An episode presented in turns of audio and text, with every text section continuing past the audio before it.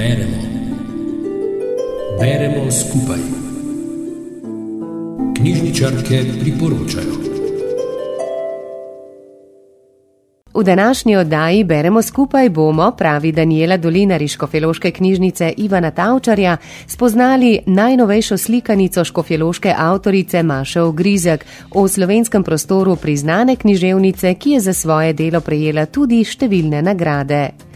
Njena predzadnja knjiga Lisičja luna je prejela nagrado večernica za najboljše otroško ali mladinsko literarno delo in bila nominirana za nagrado desetnica. Vseh sort starši in otroci pa je prav posebna zbirka devetih zgodb, ki so namenjene tako staršem kot otrokom. Skozi prispodobe in simbole odkrivajo različna čustva in značajske lastnosti tako staršev kot otrok. Družine v teh kratkih zgodbah so vse prej kot običajne. Zdi se, da prihajajo iz ljudskih pravljic z vseh koncev sveta. Grške mitologije, afriških zgodb ali pravljic z dežel vzhajajočega sonca. Vsaka zgodba razkriva svoje vrstne odnose v družini med otroki in starši, ki so precej bolj pogosti, kakor mislimo. V junakih zgodb se lahko prepoznajo tisti, ki težko prisluhnejo, ki se spopadajo s pretirano skrbjo, s tesnobnimi mislimi ali celo depresijo.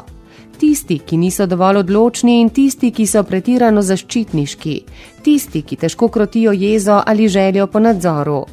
Po drugi strani pa lahko v prikazanih odnosih raziskujemo, kako se znajti v dani situaciji, kako se soočimo z nekom, ki ne prisluhne, ki ni iskren, ki te ne vidi in ne sprejema takšnega, kot si.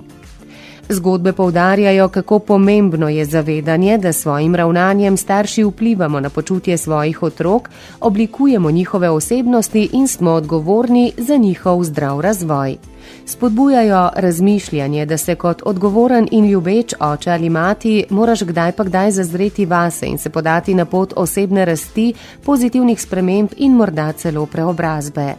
Predvsem pa je osrednje sporočilo knjige, kot povdarja avtorica, to, da mora posameznik oziroma vsak izmed staršev spremeniti svoje ravnanje in odnos do otroka, ne pa svoje izvirne narave.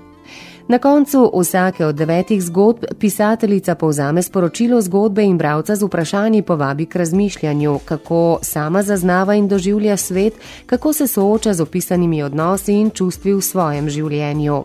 Slikovite opise narave, lastnosti in občuti pravličnih junakov v zgodbah Maša Ogrizek dopolnjujejo čudovite, mojstersko detaljirane ilustracije Anke Kočevar, ki na subtilen način podpirajo pripoved in skozi podobe pripovedujejo o lepoti, teži in krhkosti odnosov, ki jih ustvarjamo z našimi bližnjimi.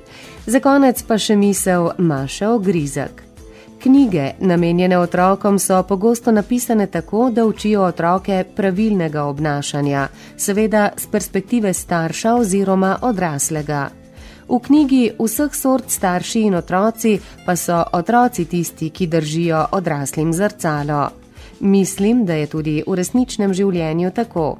S tem odsevom, ki ni in ne more biti popoln, se ni najlažje soočiti a to je nujno, če želimo biti odgovorni starši in če želimo zrasti kot ljudje. Pa prijetno branje vam želimo, če boste v prihodnih dneh v roke vzeli tudi kakšno od knjižnih del škofjeloške pisateljice Maše Ogrizek. Rubrika Beremo skupaj nastaja v sodelovanju z Radijem Sora.